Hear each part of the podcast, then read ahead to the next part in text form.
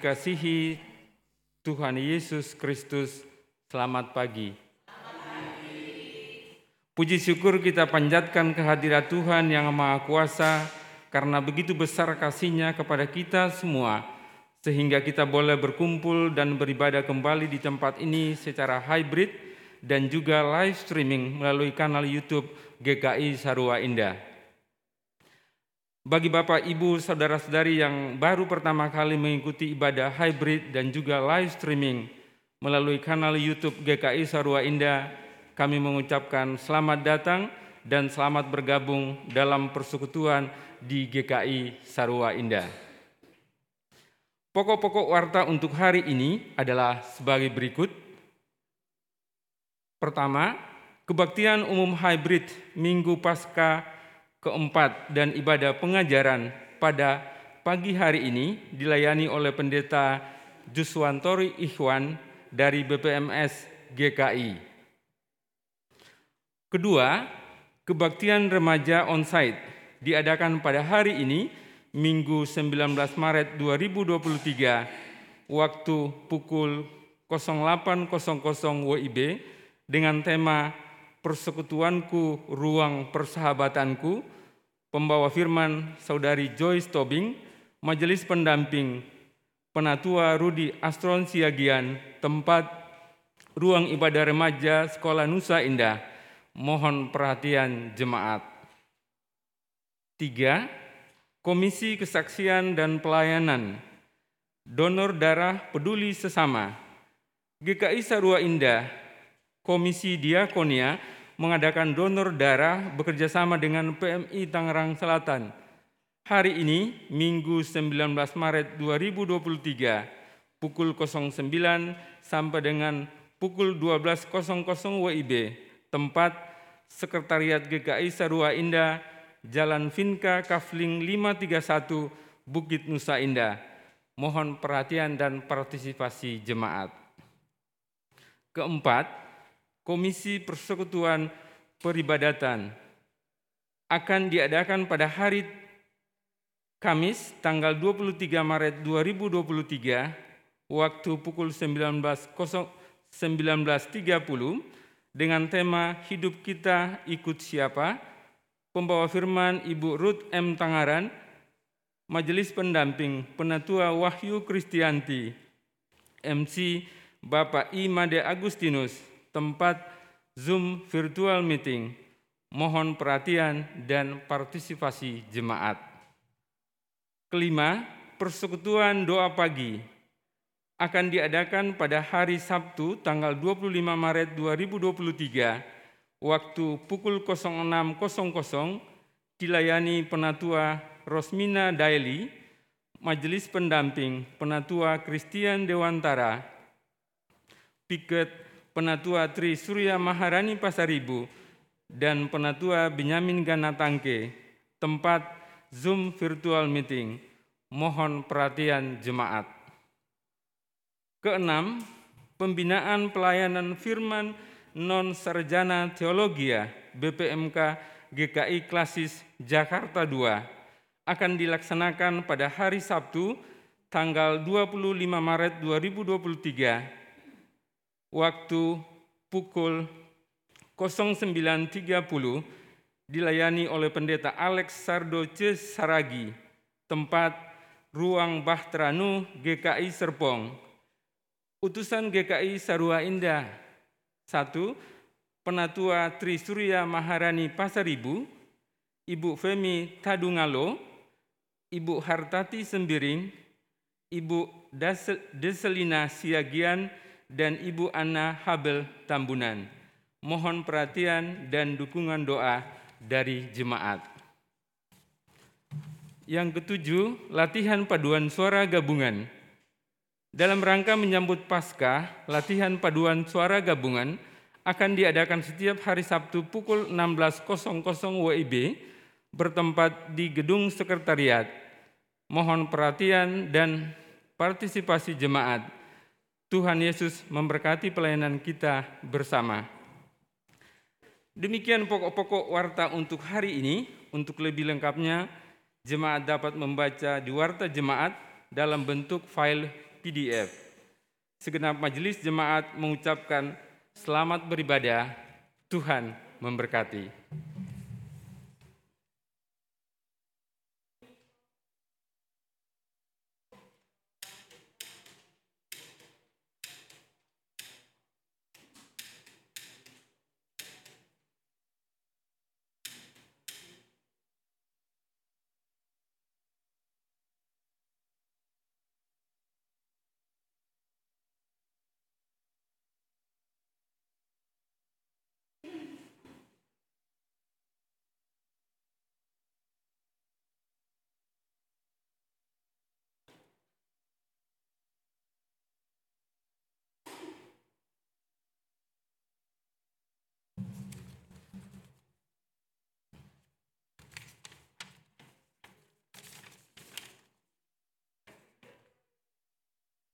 Aku hendak mengagungkan Engkau, ya Allahku, ya Raja, dan aku hendak memuji namamu untuk seterusnya dan selamanya.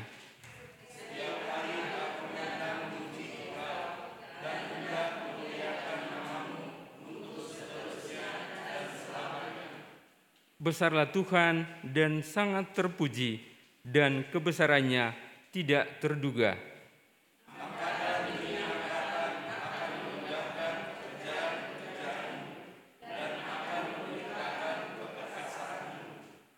Semarak kemuliaanmu yang agung dan perbuatan-perbuatanmu yang ajaib akan kunyanyikan.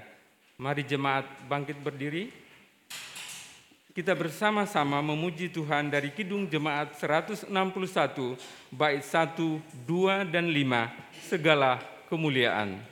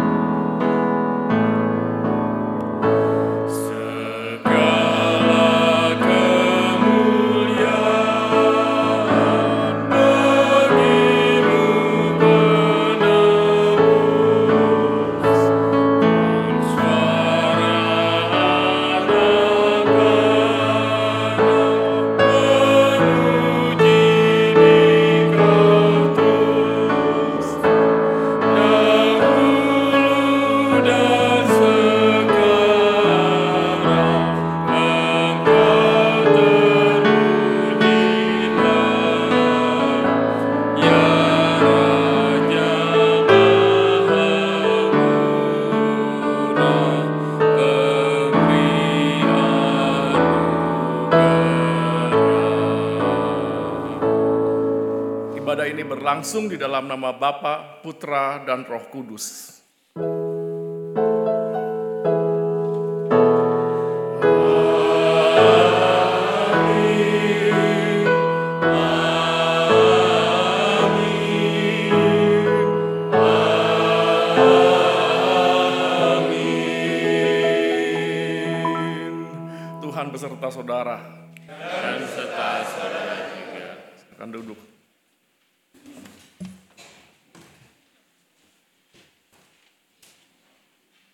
Secara khusus dalam ibadah kita saat ini kita akan melaksanakan ibadah pengajaran. Ada satu tema yang akan kita pelajari dan gumulkan bersama, yaitu tentang perjamuan kudus di Minggu Paskah. Kita bersyukur dapat melaksanakan ibadah pengajaran ini, kiranya pemahaman iman kita semakin diperkaya di dalam Tuhan. Ini semua kita laksanakan agar nama Kristuslah yang semakin dimuliakan.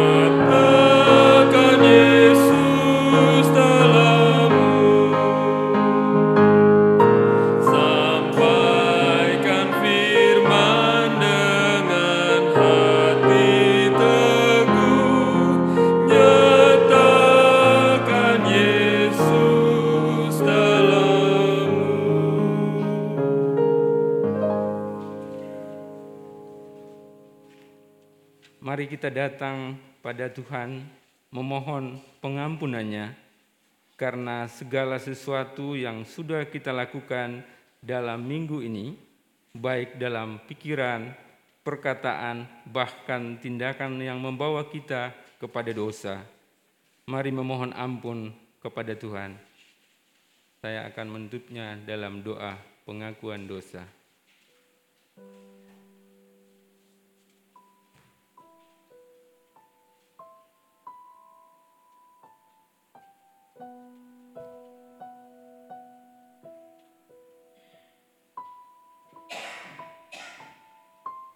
Bapa kami dalam surga, Bapa yang senantiasa hadir di dalam kehidupan kami. Hari lepas hari, Engkau menuntun kami ya Tuhan, menuntun kami ke jalan yang benar. namun di dalam kehidupan, dalam menghidupi kehidupan kami, kami sering melakukan dosa ya Tuhan di hadapan-Mu, di depan orang-orang terkasih kami, di depan sahabat-sahabat kami, di depan orang tua kami, di depan anak kami, di depan semua orang ya Tuhan yang kami jumpai. Dosa yang kami perbuat melalui pikiran kami, perkataan kami, dan juga tindakan kami ya Tuhan. Ampuni kami ya Tuhan, dan layakkan kami untuk datang ke hadapan hadirat-Mu dan berikanlah kami kemampuan Tuhan untuk menjalani hidup kami di depan dengan senantiasa takut akan Engkau. Dalam nama anakmu Yesus Kristus, kami berdoa dan memohon. Amin.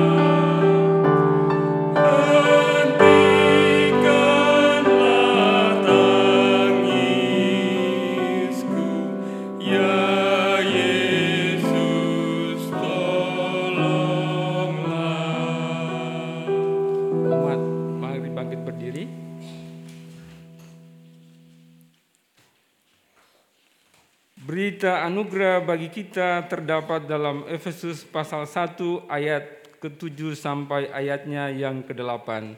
Demikian firman Tuhan. Sebab di dalam dia dan oleh darahnya kita beroleh penebusan, yaitu pengampunan dosa menurut kekayaan kasih karunia-Nya yang dilimpahkannya kepada kita dalam segala hikmat dan pengertian. Demikianlah berita anugerah dari Tuhan. Syukur kepada Allah.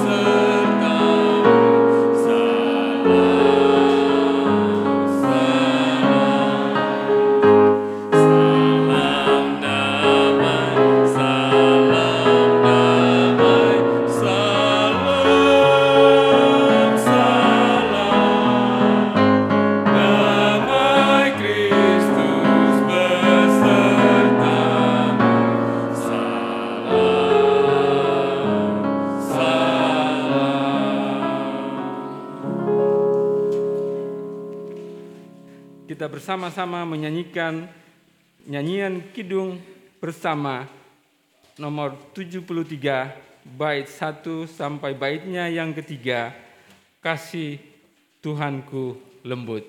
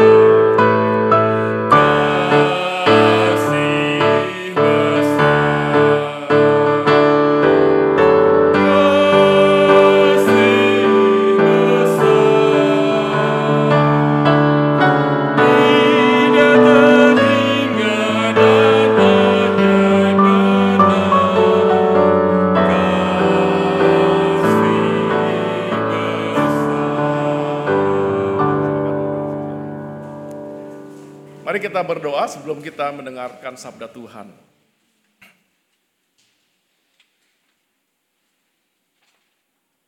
Ya Tuhan kami telah memuji-muji Engkau di masa prapaskah ini dan kini kami rindu untuk disapa olehmu dalam firman Tuhan.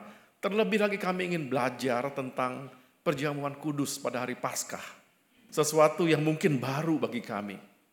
Tolonglah Tuhan sementara kami membuka Alkitab, membaca, merenungkan, belajar, biar roh kudus menerangi hati kami, supaya apa yang kami eh, dengarkan dan kami renungkan hari ini benar-benar menerangi hati kami, dan kami dapat menjadi murid-muridmu yang lebih baik, yang lebih memahami tentang perjamuan kudus. Tuhan, kami serahkan pemberitaan firman ini di dalam nama Tuhan Yesus, Juru Selamat kami. Amin. Saudara, mari kita membuka Alkitab kita, Injil Lukas pasal 22, ayat 7 sampai ke 23. Injil Lukas, saudara, pasal 22 ayat 7 sampai ke 23. Ini adalah uh, kisah bagaimana dimulainya perjamuan kudus.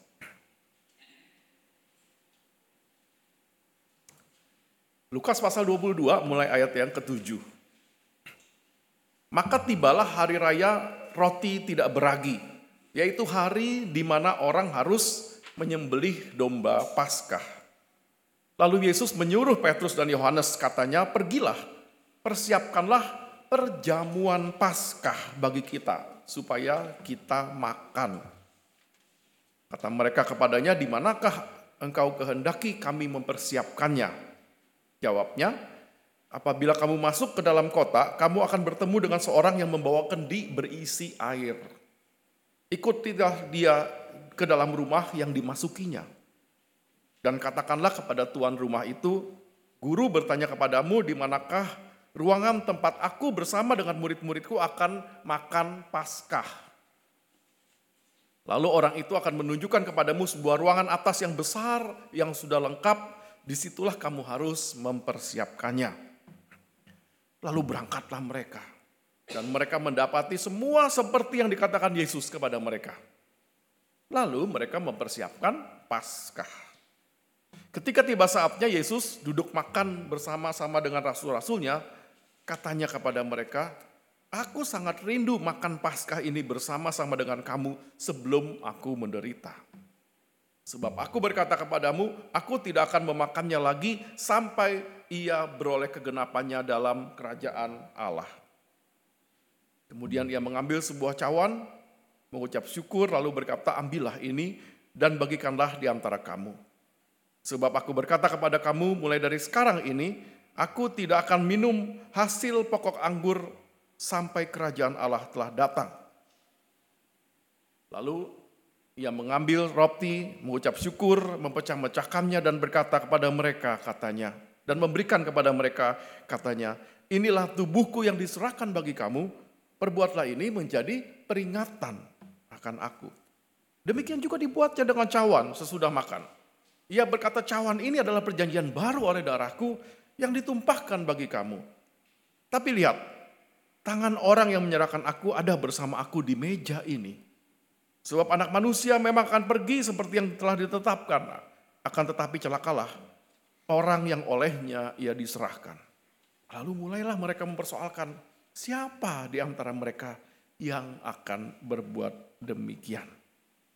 Saudara sampai di sini pemberitaan firman Tuhan, berbahagialah saudara yang melakukan firman Tuhan di dalam kehidupannya sehari-hari.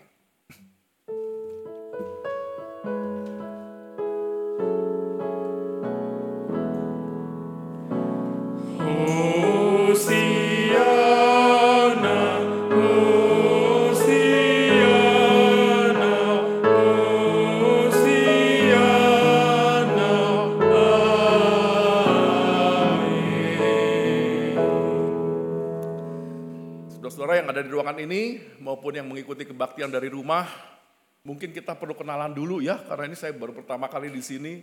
Saya pendeta Yuswan, saudara Yuswan Tori Ikhwan.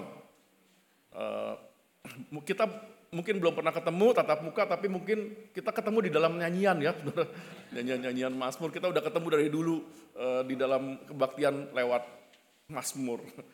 Saya melayani dulu di GKI Peterongan Semarang, saudara, 18 tahun. Lalu kemudian saya pindah ke Jakarta, sekarang saya melayani di Sinode GKI, kantornya di BSD itu, saudara. Ya kalau saudara BSD ada kantor Sinode itu ya, saya ada di situ, saudara. Tapi saya tetap juga melayani jemaat di GKI Samanhudi di Jakarta. Itu dia, saudara. Nah, saya bukan berasal dari keluarga Kristen. Ayah dan ibu saya almarhum dulu adalah penganut Konghucu yang sangat taat, saudara. Waktu masih kecil, saya ingat di rumah kami itu ada ruangan khusus buat sembahyang. Dia ada sebuah ruangan, lalu salah satu dinding ruangan itu dipenuhi dengan foto-foto leluhur, saudara.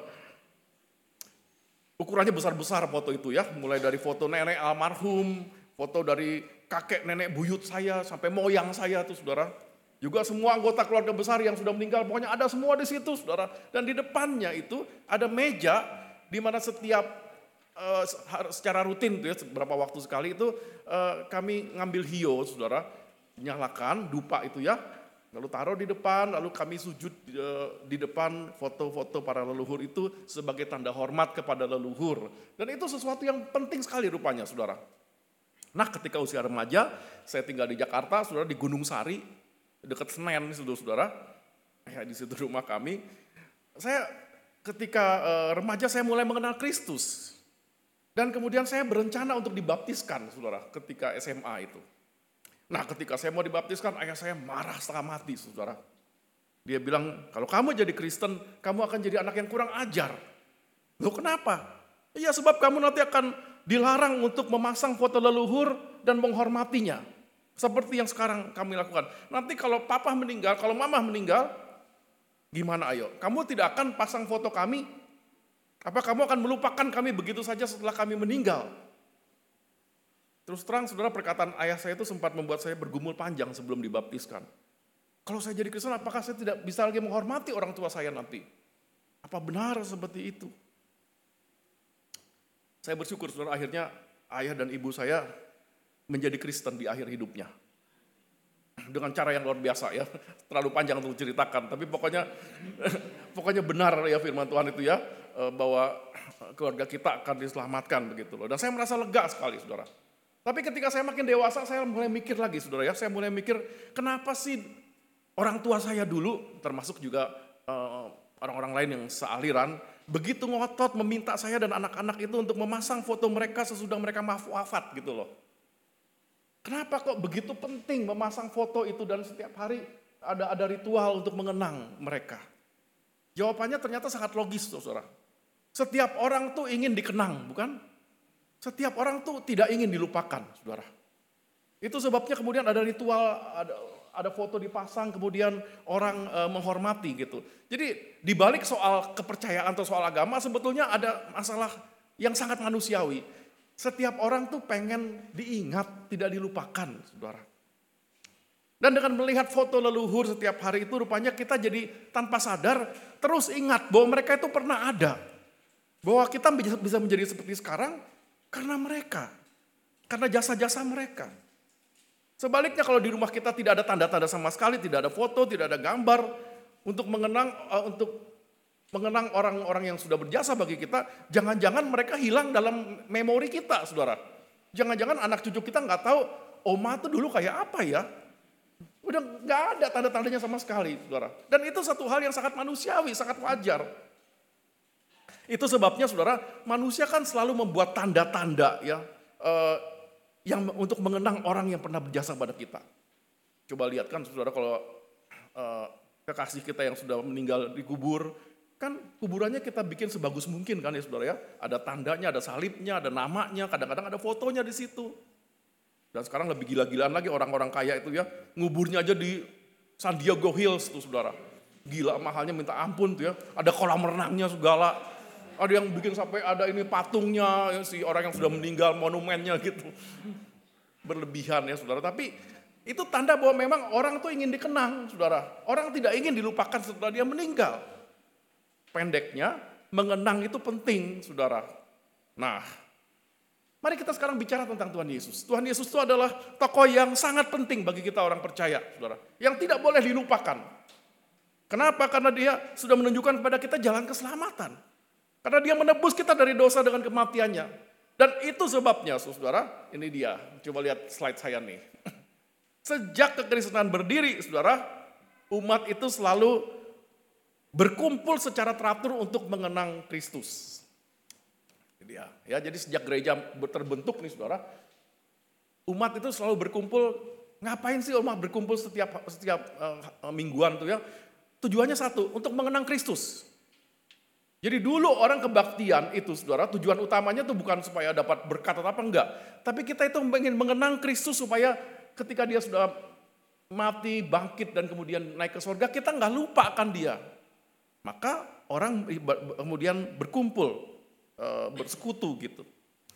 Dan ingat, saudara ingat, saudara dulu itu hari Minggu itu bukan hari kebaktian, saudara pada awalnya. Tuhan Yesus tuh gak, dan para murid tuh nggak pernah kebaktian hari Minggu. Ayo tebak kapan mereka beribadah? Sabtu, hari Sabat kan itu kan agama mereka dulu agama Yahudi. Jadi dulu itu setelah eh, Yesus naik ke sorga, saudara para murid itu dulu awalnya, saudara kalau beribadah itu hari Sabtu, hari Sabat. Tapi Selain hari Sabtu, hari Minggu pagi mereka kumpul lagi, saudara. Kumpul lagi kenapa, saudara? Karena mereka ingin mengenang apa hari hari Minggu pagi itu? Kebangkitan Yesus. Jadi mereka masih beribadah hari Sabtu, baik hari Minggu pagi mereka harus berkumpul. Supaya apa? Supaya kita bisa mengenang Kristus. Nah, lama-kelamaan kemudian mereka tidak lagi ikut kebaktian yang Sabtu itu. Mereka memisahkan diri, mereka beribadah hanya pada hari Minggu pagi. Jadi sebetulnya setiap kali kita beribadah minggu, kita itu sedang mengenang kebangkitan Kristus, saudara. Itu sebabnya di beberapa gereja ada kebaktian yang pagi banget gitu, saudara. Ketika saya di GKI Terongan dulu kebaktiannya jam berapa ya kebaktian satunya? Jam 6, saudara. jam 6. Dan orang yang tua-tua tuh senang kebaktian jam 6. Ya pagi-pagi bangun ketika masih gelap gitu, datang ke gereja. Seperti mengenang, seperti pagi pada Paskah itu ya, para perempuan datang ke kubur Yesus pagi-pagi benar kebaktian, saudara. Ya jadi orang ingin mengenang Kristus yang bangkit. Jadi akhirnya sampai ibadah itu diubah dari Sabtu itu mereka jadi pindah ke hari hari e, Minggu pagi, saudara-saudara. Minggu subuh. Dan hari di mana mereka mengenang Kristus itu disebut dengan apa, saudara? Ada istilahnya nih. Dulu istilahnya ini, saudara. Uh, Dies Dominicus dalam bahasa Latin ya. Dalam bahasa Portugisnya Domingo yang artinya hari Tuhan kita. Kita kan pernah dulu di, dimasukin orang Portugis kan. Akhirnya kata Domingo itu kita kita pakai lalu kita bilang hari Minggu. Jadi hari Minggu itu artinya apa Saudara? Hari Tuhan kita. Luar biasa tuh Saudara bahwa kita masih memakai hari Minggu ya. Minggu itu artinya hari Tuhan kita. Hari di mana kita mengenang Tuhan kita Yesus Kristus. Sehingga kebaktian minggu itu sebetulnya ada setiap kali kebaktian minggu itu kita merayakan Paskah sebetulnya saudara. Paskah kecil namanya. Ya setiap kali kebaktian itu adalah hari Paskah kecil kita mengenang Kristus yang bangkit. Lalu setiap tahun barulah diadakan Paskah besar yang nanti kita rayakan itu saudara. Ya, jadi ingat loh setiap kali kita merayakan hari minggu kebaktian itu adalah peringatan Paskah saudara Yesus yang bangkit. Jadi rupanya peristiwa Yesus bangkit itu penting banget untuk kita kenang setiap hari minggu saudara. Nah, lalu bagaimana Yesus dikenang pada hari Minggu itu? Di zaman di zaman dahulu ketika murid-murid kemudian membuat uh, gereja ya, persekutuan. Bagaimana Yesus dikenang di dalam setiap hari Minggu itu? Ada dua cara, Saudara. Kita melihat di kisah 2 ayat 42 uh, dikatakan mereka bertekun dalam pengajaran rasul-rasul dan dalam persekutuan dan mereka selalu berkumpul untuk memecahkan roti dan berdoa. Jadi di sini kita melihat ketika orang datang beribadah, mereka mengenang Kristus dengan cara apa? Ada dua. Yang pertama lewat firman.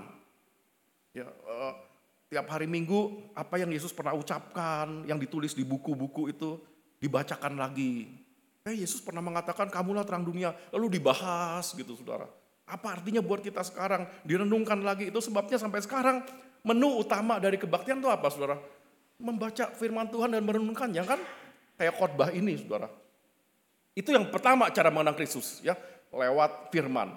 Tapi yang kedua, saudara sesudah itu dikatakan apa? Saudara, mereka memecahkan roti. Jadi rupanya saudara lewat perjamuan kudus. Dengan kata lain saudara, setiap minggu pada hari itu, dari zaman itu saudara, orang selalu merayakan perjamuan kudus. Ya kita karena itulah cara mengenang Yesus.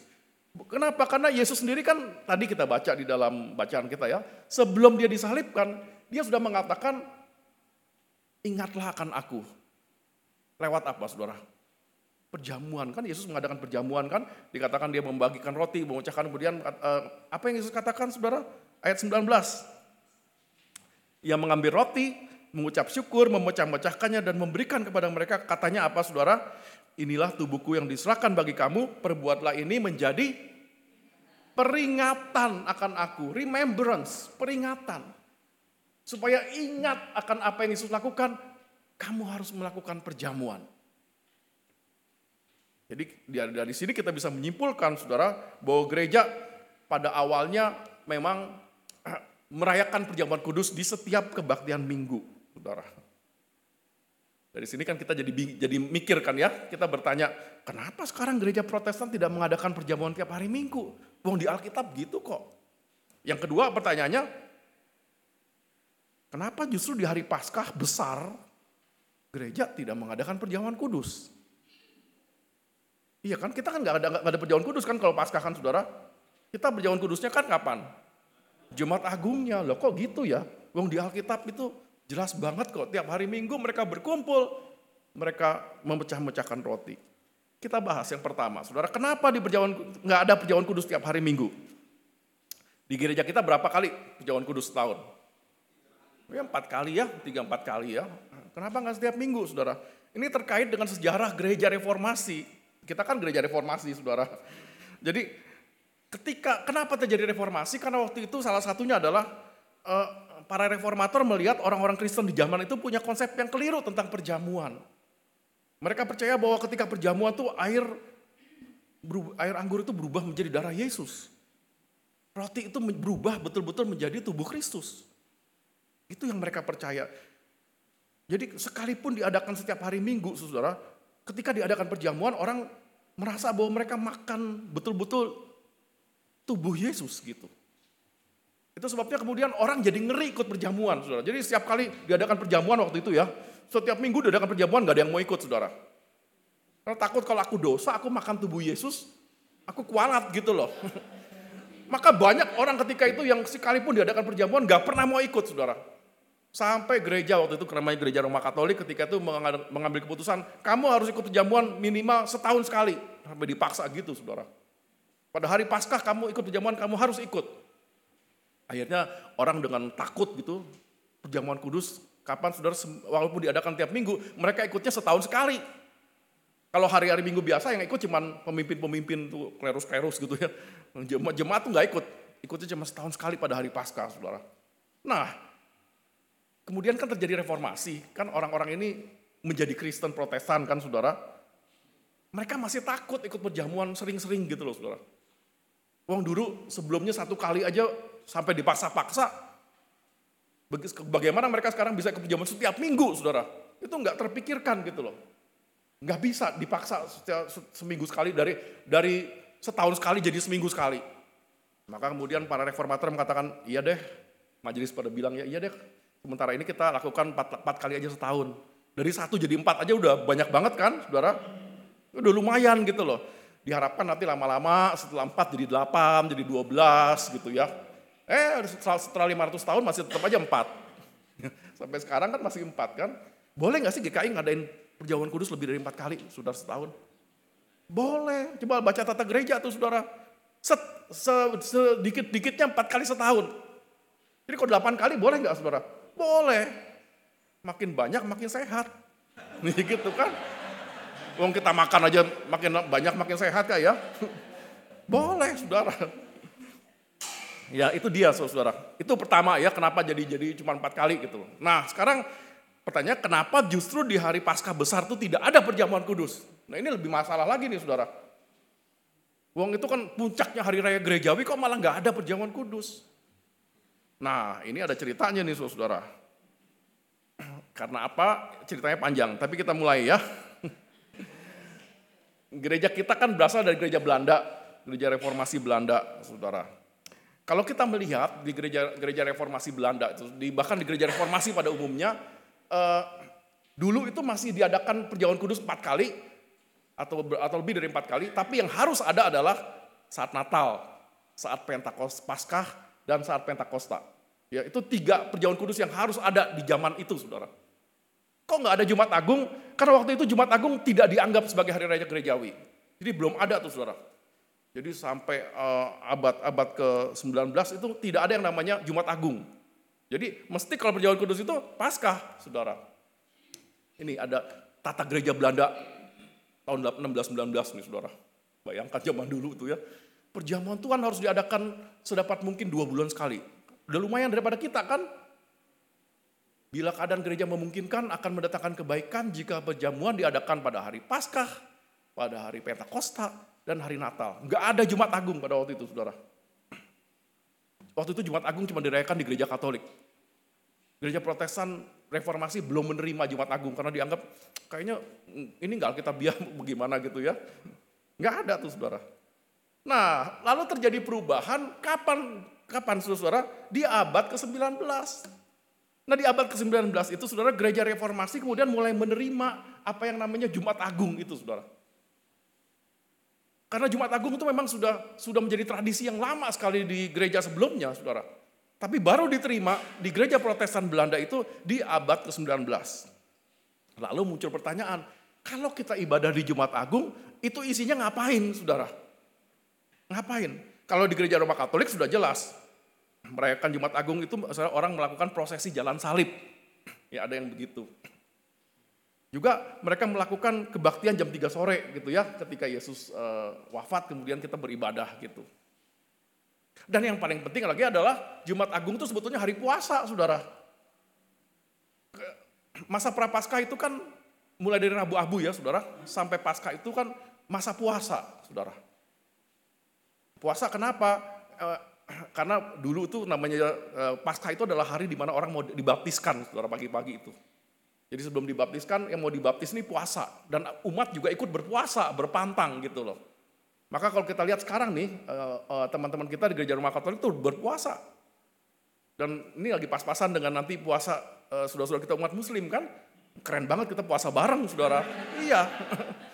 Dan puasa puasa Kristen berapa hari? Saudara coba. Dari dari Rabu Abu sampai Paskah itu berapa hari? 40 hari. Tapi kalau saudara lihat kalender coba hitung deh. Itu bukan 40 hari tapi 46 hari sebetulnya. 47 kalau tidak salah. Loh kok bisa gitu ya? Kok disebut 40 hari? Karena setiap hari minggu orang Kristen tuh nggak puasa saudara. Jadi puasanya itu cuma Senin sampai Sabtu. Kenapa hari minggu nggak puasa? Karena perjamuan kudus saudara. Jadi Jumat Agung itu masih termasuk masa puasa itu saudara. Nanti kapan bukanya? ya pasca ya saudara ya. Iya bukan tungguin seminggu si minggu enggak ya. Tapi hari hari tidak puasa, hari minggu tuh nggak pernah puasa orang Kristen. Itu bedanya saudara ya. Jadi kita tuh nggak berpuasa pada hari minggu karena itu ada perjamuan gitu loh. Nah ini pertanyaannya sekarang begini. Ngapain aja tuh kita pada saat perjamuan eh, pada hari Jumat Agung gitu kan. Lalu mulai pikir-pikir-pikir. Kemudian gereja reformasi Belanda menetapkan kayaknya paling enak tuh perjamuan kudus deh. Ya kan iya kan karena kan perjamuan kudus kita cocok gitu loh saudara. Kan perjamuan kudus itu kita mengenang Yesus yang disalibkan buat kita. Dikorbankan bagi kita. Dan tandanya apa? Kan Yesus mengatakan ya uh, ingatlah ya akan aku dengan perjamuan. Jadi kalau begitu cocok sekali kalau Jumat Agung itu perjamuan kudus. Jadi digeserlah dari minggu itu menjadi Jumat, saudara-saudara. Itu yang membuat kita jadi begini sekarang ini, saudara. Jadi tahun 1817, saudara, mulai 1825 eh, mulai direkomendasikan agar Jumat Agung itu dirayakan dengan mengadakan perjamuan kudus. Itu keputusan sinode GKI Belanda, saudara. Eh gereja Belanda bukan GKI Belanda. itu gereja Belanda. Dan kita waktu itu gereja Protestan ini uh, tahun 1825 kan masih dijajah Belanda, saudara. Jadi seluruh gereja di Indonesia Protestan itu ngikutin keputusan sinode gereja Belanda. Dan itu ke bawah sampai sekarang. Makanya di seluruh gereja di Indonesia itu protestan itu, Jumat Agung itu selalu perjamuan kudus. Dan karena sudah digeser perjamuan kudus, maka minggunya pada nggak perjamuan, saudara. Karena boh, masih cuma dua hari kok perjamuan lagi gitu ya. Kan aneh gitu loh. Jadi udah nggak ada itu yang namanya perjamuan di hari Minggu itu, saudara. Jadi gini deh kita sekarang. Ya, apa akibatnya kalau dengan digesernya ini, saudara? Ada ada ada tiga akibat. Yang pertama, puncak perayaan Paskah akhirnya bukan lagi pada hari Paskah, tapi hari Jumat Agung. Coba saudara lihat di gereja-gereja di Indonesia ya, mana yang lebih rame, Jumat Agung atau Paskah yang hadir? Jumat Agung, saudara. Wah, kalau tempat saya tuh dulu di pelayanan di Semarang kok Jumat Agung sampai nggak kebagian tempat, saudara. Ya orang sampai ibadah pakai kursi-kursi tambahan gitu. Tapi kalau Paskah, plong sudah. Kenapa? Karena Jumat Agung ada perjamuan kudus. Dan orang menganggap perjamuan kudus yang Jumat Agung itu adalah perjamuannya perjamuan gitu loh. Perjamuan yang paling penting. Maka kalau dilihat grafiknya seperti itu ya, klimaksnya pada Jumat Agung, lalu ketika Paskah biasa-biasa aja, isinya apa? Drama, ya gitu kan segala macam lah, ada puji-pujian lah, konser segala macam. Padahal kalau kita melihat hari raya yang paling penting bagi Kristen itu justru adalah Paskah dan Paskah itu harus menjadi puncak. Karena iman kita adalah iman kepada Yesus yang bangkit. Bukan kepada Yesus yang mati di kayu salib. Nah ini akibat pertama saudara karena perjamuan kudus itu puncaknya diganti menjadi hari Jumat. Yang kedua akibatnya apa saudara? Orang kemudian berpikir bahwa ketika perjamuan kudus itu, perjamuan kudus itu intinya cuma mengenang Yesus yang mati di salib.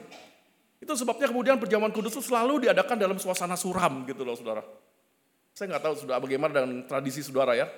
Di beberapa gereja protestan banyak yang ke perjamuan kudus hari Jumat itu disuruh pakai pakaian warna hitam atau gelap.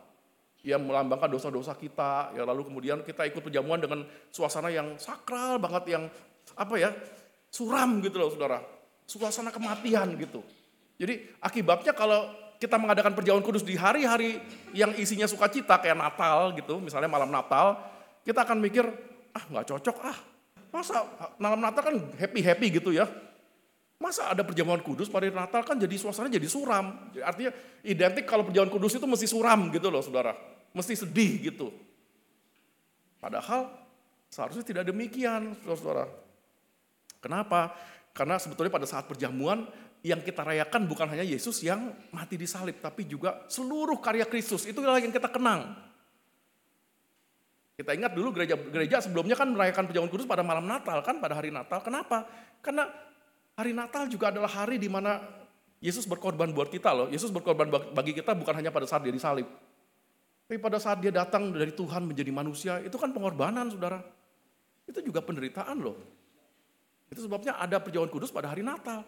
Dan apalagi Paskah. Paskah juga itu eh, hasil dari pengorbanan, Kristus kan nyata pada saat Yesus bangkit. Kenapa kita tidak perjamuan, saudara? Ya, jadi uh, itulah saudara.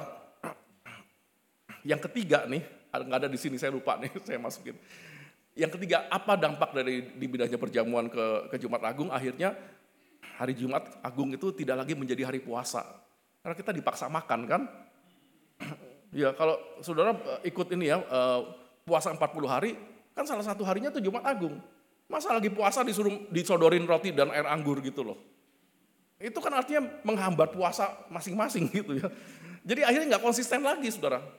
Dan Yesus pernah mengatakan bahwa uh, pada hari di mana si uh, mempelai, mempelai laki-laki artinya sang juru selamat itu diambil dari manusia, pada saat itulah mereka berpuasa. Coba saya lihat uh, lihat Lukas 5 ayat 34 saudara.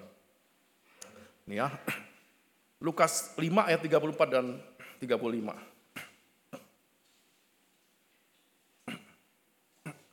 Yesus mengatakan pada murid pada murid-murid seperti ini. Lukas pasal 5, Saudara, ayat 34 dan 35. Nemu enggak? Baca saya baca ini ya. Lukas 5 ayat 34 dan 35. Yang di rumah juga buka tuh HP-nya. Oke. Jawab Yesus kepada mereka, dapatkah sahabat mempelai laki-laki disuruh berpuasa sedang mempelai itu bersama mereka? Mempelai itu siapa saudara? Tuhan Yesus. Tapi akan datang waktunya apabila mempelai itu diambil dari mereka. Tuhan Yesus diambil dari mereka, dari murid-murid. Pada waktu itulah mereka akan berpuasa. Itu sebabnya di banyak gereja hari eh, masa prapaskah itu adalah masa puasa. Apalagi Jumat Agung. Itu kan saat Yesus diambil dari dari umat kan, dia disalibkan. pada itu pada pada saat itulah mereka berpuasa. Lah gimana kita mengadakan perjamuan eh, berpuasa kalau kita disuruh ikut perjamuan pada hari Jumat itu? Ya, it- itu yang menjadi masalah, Saudara. Nah, kalau begitu itu sebabnya kemudian gereja-gereja sekarang mulai memikirkan kembali mungkin saatnya sekarang kita mengembalikan ya eh, perjamuan kudus pada hari Paskah. Terus saudara, ada nggak sih di Alkitab cerita di mana Yesus mengadakan perjamuan pada hari Paskah? Ada. Saya ingin tunjukkan pada saudara di Injil Lukas, saudara, ada tiga kali peristiwa di mana Yesus mengadakan dalam tanda kutip perjamuan. Pertama Lukas 9 ayat 16 ya. Pada saat itu Yesus eh, mengadakan mukjizat kan, dia eh, membagikan roti ya, kemudian roti itu jadi banyak kan, lima roti dan dua ikan itu jadi banyak sekali gitu. Itu peristiwa pertama di mana Yesus mengadakan perjamuan. Yang kedua yang tadi kita baca, ya perjamuan ketika eh, perjamuan terakhir ya. Jadi sebelum Yesus disalibkan dia menetapkan perjamuan kudus. Tapi ada lagi satu perjamuan Saudara. Yaitu pada saat Yesus bangkit. Cerita di Emmaus, perjalanan di Emmaus itu. Masih ingat kan ceritanya Saudara? Ya ada ada dua orang bertemu dengan Yesus, tapi eh, orang itu tidak tahu bahwa Yesus ada dekat mereka sesudah Yesus bangkit. Lalu mereka Yesus menerangkan kitab-kitab suci, Yesus berfirman kepada mereka, tapi mereka nggak sadar bahwa itu Yesus yang ada di dekat mereka. Lalu kemudian hari mulai sore, ya, eh, dan Yesus mengatakan, yuk kita berhenti sebentar, udah ini hari sudah hampir malam. Lalu mereka berhenti, lalu Yesus mengadakan perjamuan, saudara-saudara. Yesus membagikan roti kepada mereka dan pada saat perjamuan itu diadakan, murid-murid itu tiba-tiba sadar, oh itu Yesus. Dan itu perjamuan Paskah tuh saudara. Luar biasa ya, kita selama ini nggak nggak sadar bahwa ada perjamuan pada hari Paskah. Dan kalau kita lihat dari tiga, tiga perikop ini, saudara, kalimatnya itu isinya sama. Ini ya, Lukas 9 ayat 16, coba lihat. Ia mengambil lima roti dan dua ikan itu, mengucap berkat, lalu memecah-mecahkan roti itu dan membagi-bagikannya kepada orang banyak. Yang tadi kita baca 20 Lukas 22, ia mengambil roti, mengucap berkat, memecah-mecahkannya dan memberikannya kepada mereka. Yang perjamuan Paskah itu persis, Saudara. Lukas 24 ayat 30. Ia mengambil roti, mengucap berkat, lalu memecah-mecahkannya dan memberikannya kepada mereka. Sama plek persis, Saudara. Tiga perjamuan itu. Jadi semestinya perjamuan Paskah itu punya dasar Alkitab yang sangat jelas, Saudara. Dan dan yang yang saya paling senang adalah perjamuan Paskah itu justru Saudara. Karena perjamuan Paskah itu ternyata perjamuan yang sangat mengubahkan kehidupan dua orang murid. Yang tadinya ketika mereka waktu Yesus bangkit mereka nggak sadar bahwa Yesus sudah bangkit, mereka tidak percaya Yesus bangkit. Bahkan Yesus berjalan di, di samping mereka, mereka nggak tahu itu Yesus. Coba kita lihat ya, ini mengubahkan sekali. Coba ini ada gambar nih saudara. Jadi ada dua orang murid, Yesusnya tuh kayak hollow gitu, kayak bayangan gitu. Ada tapi tidak disadari saudara. Kenapa bisa begitu? Karena mereka waktu itu begitu fokus pada masalah mereka. Nah, kita kadang-kadang seperti itu, ini simbol kehidupan kita, saudara. Yesus ada di dekat kita, kita nggak sadar itu Yesus. Kenapa? Karena kita lagi ber- berfokus pada masalah kita. Aduh, utang gue gimana nih? Aduh, gimana tuh tukang tagih utang besok datang nih gitu loh. Jadi sekalipun ada Yesus, kita nggak sadar Yesus di situ gitu loh. Kita pikiran kita muter ngurusin masalah-masalah hidup kita. Lalu Yesus pelan-pelan mulai eh, berfirman, eh, eh, ayo nih, sebetulnya aku eh, ingat nggak firman Tuhan, ya, si juru selamat itu akan bangkit pada hari ketiga. Oh, oh, oh ya, tapi masih nggak sadar itu Yesus. Kapan mereka sadar? Ketika Yesus mulai mengadakan perjamuan, ya ketika Yesus membagikan roti, mereka tiba-tiba, loh ini kok seperti seseorang ya? Ketika ada dia melihat ada seorang memecahkan roti, membagikan, tiba-tiba mata mereka terbuka, saudara, dan mereka lihat, oh ada Yesus ternyata. Kalau kita lihat bacaan ini saudara ya, dibandingkan deh. Eh, Nanti saudara baca di rumah ya Lukas pasal 24. Di ayat 16 dikatakan ada sesuatu yang menghalangi mata mereka sehingga mereka tidak dapat mengenal dia. Apa yang menghalangi sesuatu itu? Ketidakpercayaan mereka bahwa Yesus hadir di, di tengah persoalan. Tapi begitu diadakan perjamuan, saudara. Perjamuan kan tanda yang tanda yang kelihatan ya, saudara. Orang bisa lihat gitu. Tiba-tiba mereka tidak lagi mikirin persoalan mereka, mereka jadi lihat Yesus gitu ketika diadakan perjamuan itu. Lalu apa yang terjadi? Lalu terbukalah mata mereka dan mereka pun mengenal dia. Dari dari terhalang menjadi terbuka mata mereka. Dari tidak mengenal jadi mengenal Yesus. Sehingga perjamuan Paskah itu perjamuan yang sangat transformatif yang mengubahkan kehidupan para murid. mereka jadi semangat lagi saudara. Mereka tidak jadi pergi ke Emmaus akhirnya, tapi balik ke Yerusalem. Yang tadinya putus asa menjadi penuh semangat. Kenapa? Karena lewat perjamuan Paskah itu mereka jadi tahu, oh ternyata Yesus itu hadir loh. Ternyata Yesus itu bangkit, dia menemani kita, dia masih ada di sisi kita. Dan karena itu aku tidak akan takut menghadapi masalah apa pun dalam hidup ini. Saudara, kapan sih kita akan merasa semangat menghadapi hidup ini, saudara? Pada saat kita tahu bahwa Yesus hadir di tengah kita. Kadang-kadang kita punya masalah banyak dan menjadi frustasi karena kita merasa sendirian. Kita merasa, aduh kayaknya gue sendirian nih menghadapi hidup ini. Jadi frustrasi deh, bunuh diri. Tapi kalau saudara sadar bahwa ada Yesus yang menemani kita. Beda loh saudara. Masalahnya tetap sama. Tapi cara kita menghadapi masalah itu beda karena kita tahu bahwa kita nggak sendirian, saudara.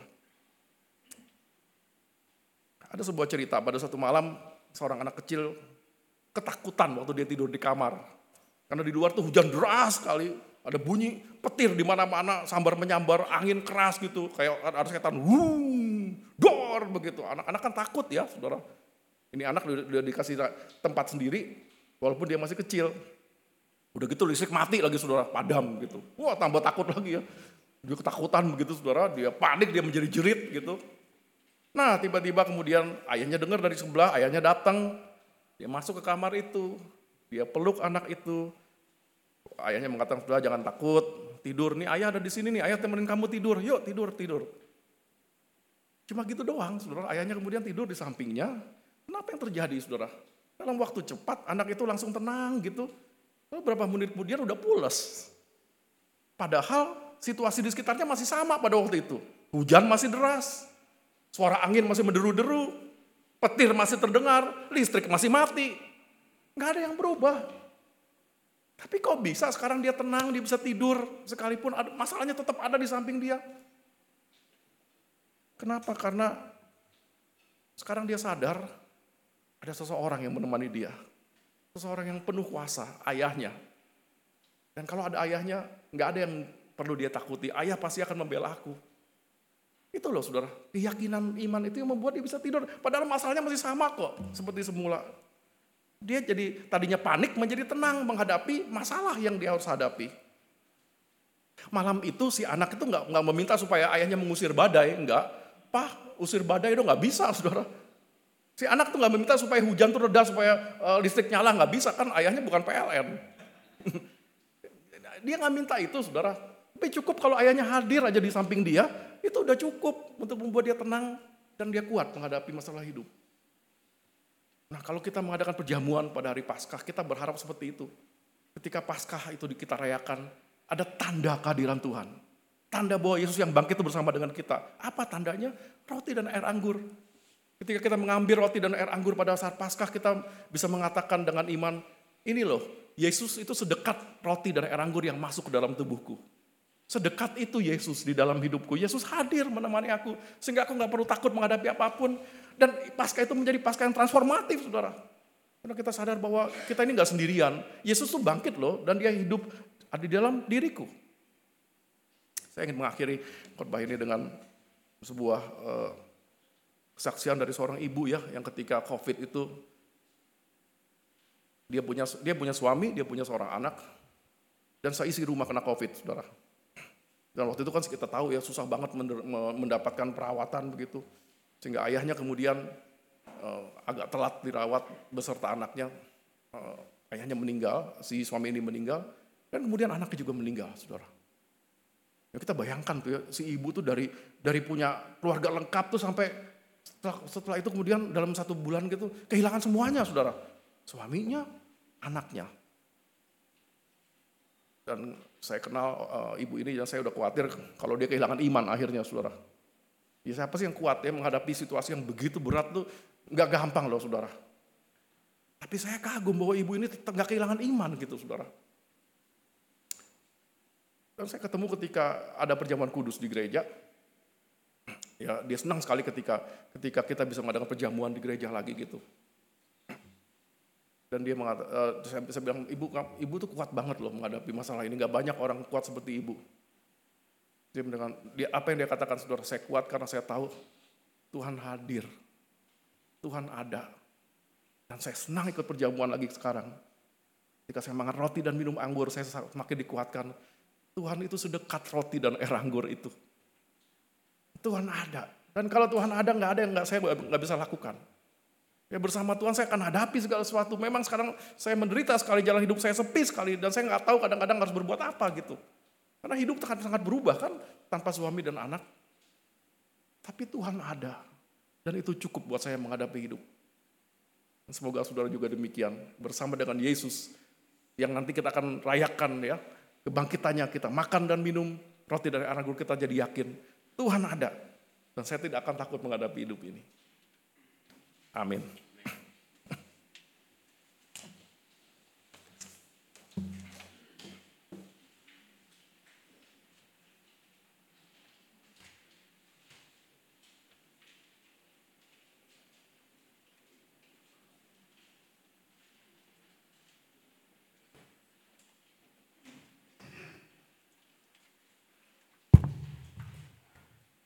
Jemaat diundang untuk bangkit berdiri.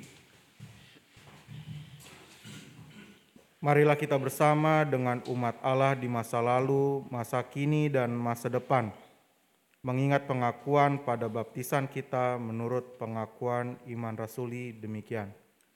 Aku percaya kepada Allah, Bapa yang Maha Kuasa, Halik langit dan bumi, dan kepada Yesus Kristus, anaknya yang Tuhan Tuhan kita, yang dikandung dari roh kudus, lahir dari anak darah Maria, yang menderita sengsara di bawah pemerintahan Pontius Pilatus, disalibkan, mati dan dikuburkan, turun ke dalam kerajaan maut, pada hari yang ketiga bangkit pula dari antara orang mati, naik ke surga, duduk di sebelah kanan Allah, Bapa yang Maha Kuasa, dan dari sana ia akan datang untuk menghakimi orang yang hidup dan yang mati.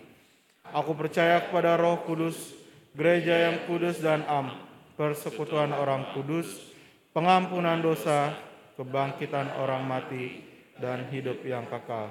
Amin. Silakan duduk kembali.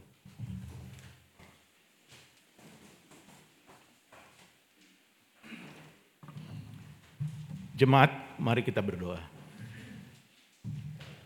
Tuhan Allah Bapa di dalam kerajaan surga, terima kasih Tuhan untuk waktu yang indah yang sudah Engkau berikan kepada kami pada pagi hari ini, di mana Engkau mengizinkan kami beribadah, memuji-muji namamu dan memuliakan namamu Tuhan.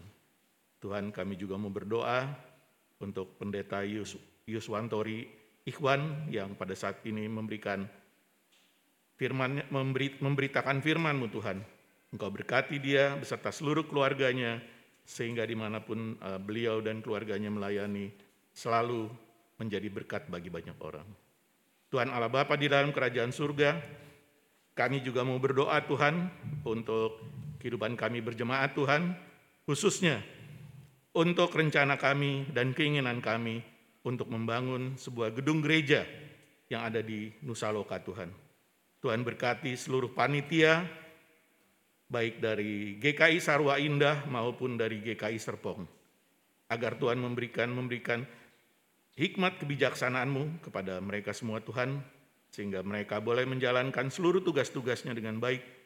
Dan apa yang kami inginkan ini kiranya Engkau berikan kepada kami Tuhan pada saatnya nanti sesuai dengan waktu Tuhan. Tuhan juga memberkati Pemda yang akan memberikan izin nanti agar mereka boleh bekerja dengan baik Tuhan. Tuhan Allah Bapa di dalam kerajaan sorga, kami juga mau berdoa Tuhan untuk dan berterima kasih untuk gedung sekretariat ini Tuhan, yang sudah Engkau berikan kepada kami, dan kami dapat beribadah dan melakukan seluruh aktivitas kami di gedung sekretariat kami ini Tuhan. Engkau berkati agar gedung sekretariat ini boleh menjadi tempat di mana kami boleh melayani Engkau dan memberikan membagikan berkat-berkat yang sudah Engkau berikan kepada kami. Kami juga mau berdoa Tuhan untuk lahan kami di Dusun Tiga, di mana kami juga mempunyai rencana untuk jangka panjangnya Tuhan. Jika Tuhan berikan untuk membangun gedung gereja kami yang permanen juga di sana Tuhan. Tuhan juga berkati para majelis dan orang-orang yang mengelolanya Tuhan, sehingga lahan kami di Dusun Tega ini boleh menjadi berkat bagi banyak orang di sekitar daerah itu Tuhan dan juga bagi kami Tuhan. Tuhan Allah Bapa di dalam kerajaan surga kami juga mau berdoa Tuhan untuk sekolah Nusa Indah yang sudah berpuluh-puluh tahun memberikan kesempatan kepada kami untuk menggunakan sekolahan untuk boleh kami tempati, untuk boleh kami gunakan sebagai pusat pelayanan kami Tuhan. Tuhan berkati seluruh pengurus yayasan, Tuhan berkati seluruh guru-guru, Tuhan berkati juga seluruh murid, sehingga mereka semua boleh menjadi pelayan-pelayan Tuhan di dalam seluruh kehidupan mereka. Terima kasih Tuhan Allah Bapa di dalam kerajaan surga. Ampuni Tuhan dosa dan kesalahan kami Tuhan. Di dalam nama Tuhan kami Yesus Kristus, kami telah berdoa dan mengucap syukur. Ya Tuhan kami membawa juga kepadamu umatmu yang berulang tahun. Untuk saudara Ariela, Yerem, saudara Yeremia, Pak David, Bu Claudia, dan saudari Amartia. Kiranya di usia yang baru ini, kesempatan baru, hari-hari baru untuk menghadapi hidup usia baru. Tuhan berkati supaya mereka semakin bersuka cita menghadapi hidup ini dengan segala tantangannya. Kiranya apa yang mereka harapkan, dambakan, Tuhan jadikan kenyataan. Jika itu berkenan dengan dan sesuai dengan kehendakmu. Kami berdoa Tuhan bagi saudara kami yang sedang dalam pemulihan, untuk Bu Mami, Bu Hana, Bu Yulia, Pak Christian, Bu Nike, Pak Wahyu, ayah dari Pak Pendeta, dan uh, Ibu Yohana, Ibu Pak Pendeta, Bu Maria, Bu Tambunan, Pak Siagian, Pak Rudi, Bu Sarah, Bu Sri, Bu Linda, Pak Didi, dan Tania. Dan mungkin ada nama-nama lain yang belum disebut tapi kami ingat. Ya Tuhan, biarlah Tuhan melawat saudara kami yang sedang dalam pemulihan ini supaya mereka bisa segera uh, pulih seperti semula dan kiranya justru di masa pemulihan ini mereka menemukan Tuhan dekat bahkan lebih dekat dari sebelumnya dan biarlah kedekatan dengan Tuhan membuat mereka semakin optimis bahwa Tuhan selalu akan memberikan yang terbaik kepada kami semua. Terima kasih Tuhan. Kami ingin mengakhiri doa syafaat ini dengan doa seperti yang Tuhan Yesus ajarkan kepada kami. Jemaat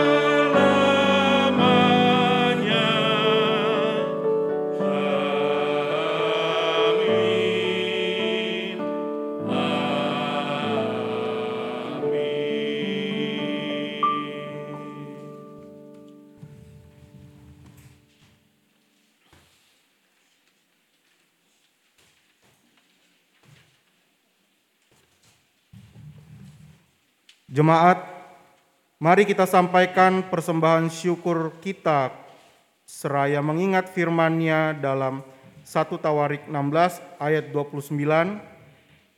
Berilah kepada Tuhan kemuliaan namanya. Bawalah persembahan dan masuklah menghadap dia. Sujudlah menyembah kepada Tuhan dengan berhiaskan kekudusan.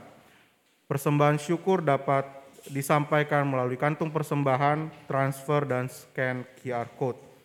Sambil kantung persembahan diedarkan, marilah jemaat kita menyanyikan Kidung Jemaat 367, bait 1, 3, dan 6, Padamu Tuhan dan Allahku.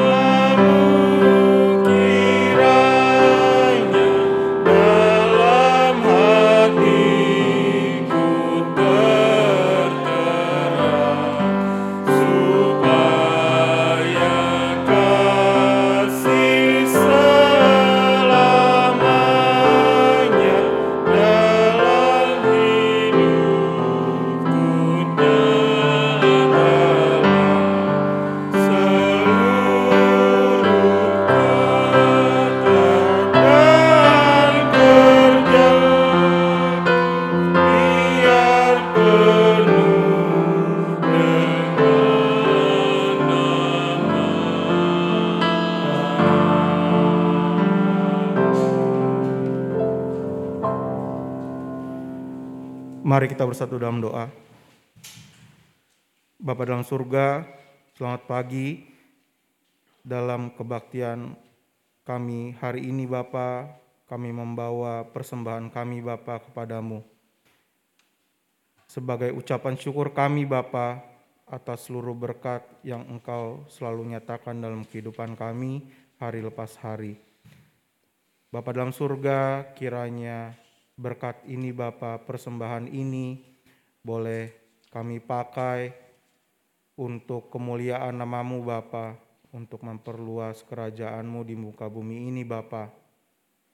Kiranya Bapa memberkati juga orang-orang yang mengolahnya Bapa sehingga persembahan ini Bapa boleh berguna dan menjadi kemuliaan bagi namamu. Kami berdoa di dalam nama Tuhan Yesus Kristus. Amin. Kita akan mengakhiri eh, ibadah ini dengan menyanyikan sebuah lagu yang sangat indah, saudara mercusuar kasih Bapa.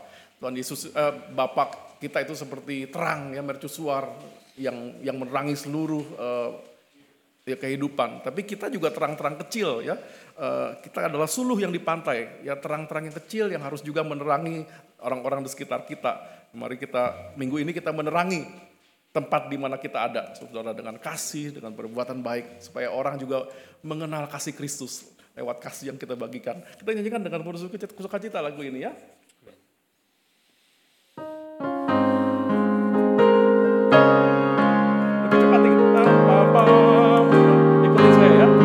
Mercusuar kasih Bapa memancarkan sinarnya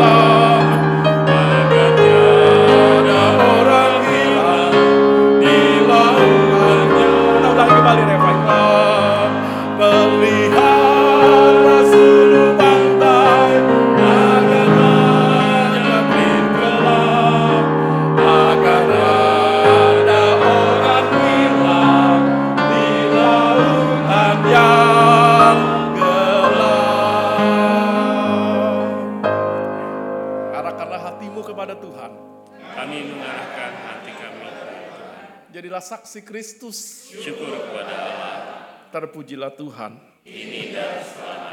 Terimalah berkatnya. Tuhan memberkati engkau dan melindungi engkau.